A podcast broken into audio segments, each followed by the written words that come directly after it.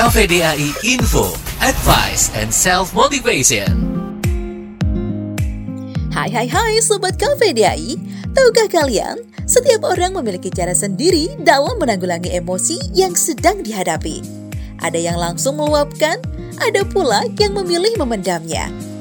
Ahli sosial klinis dan direktur eksekutif di Maryland House Detox, Scott Diharti mengatakan, saat marah, orang cenderung memikirkan perilaku daripada emosi. Perilaku adalah agresi. Perasaan adalah kemarahan. Kemarahan adalah respon alami dan normal terhadap berbagai rangsangan. Kemarahan bisa menjadi sesuatu yang positif, seperti bisa membantu orang termotivasi dan menjadi fokus. Berikut 5 cara mengubah emosi menjadi motivasi. Mau tahu? Atau mau tahu banget ya? Ya udah, keep stay tune di 24/7 KPDI Radio Online.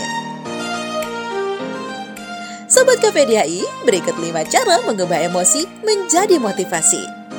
Yang pertama, cari tahu masalah yang mendasari. Kemarahan sebenarnya memberikan sobat petunjuk berguna tentang apa yang memotivasi.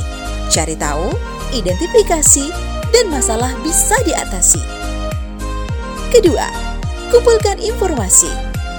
Setelah menemukan masalah yang mendasari, ambil langkah lebih jauh dan tentukan alasan orang atau situasi tertentu yang membuat Anda sangat marah. Yang ketiga, belajar dari kemarahan. Kemarahan bisa memberikan pemahaman lebih baik tentang apa yang terjadi dalam hidup kita.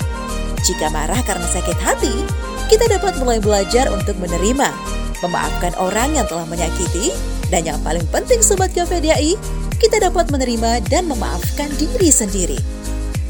Keempat, tak semua tentang Anda. Ubahlah situasi dan cari tahu penyebab kekesalan, karena kita tidak bisa mengontrol semuanya. Kunci memanfaatkan amarah adalah berdamailah dengan fakta bahwa ada hal-hal di luar kendali Anda. Kelima, ambil tindakan. Kadang mencari tahu penyebab kemarahan itu mudah kita tahu alasan kita marah, sehingga siap untuk mengambil tindakan dan mulailah menyelesaikannya. Gimana Sobat KPDI? Mudah bukan cara mengelola emosi menjadi motivasi? Gunakan kemarahan sebagai motivasi untuk perubahan. Lakukanlah perubahan, aktiflah. Jika tidak, itu akan berubah jadi balas dendam atau sikap apatis. Selamat mempraktikkan dan bersiaplah menjadi pribadi yang lebih baik.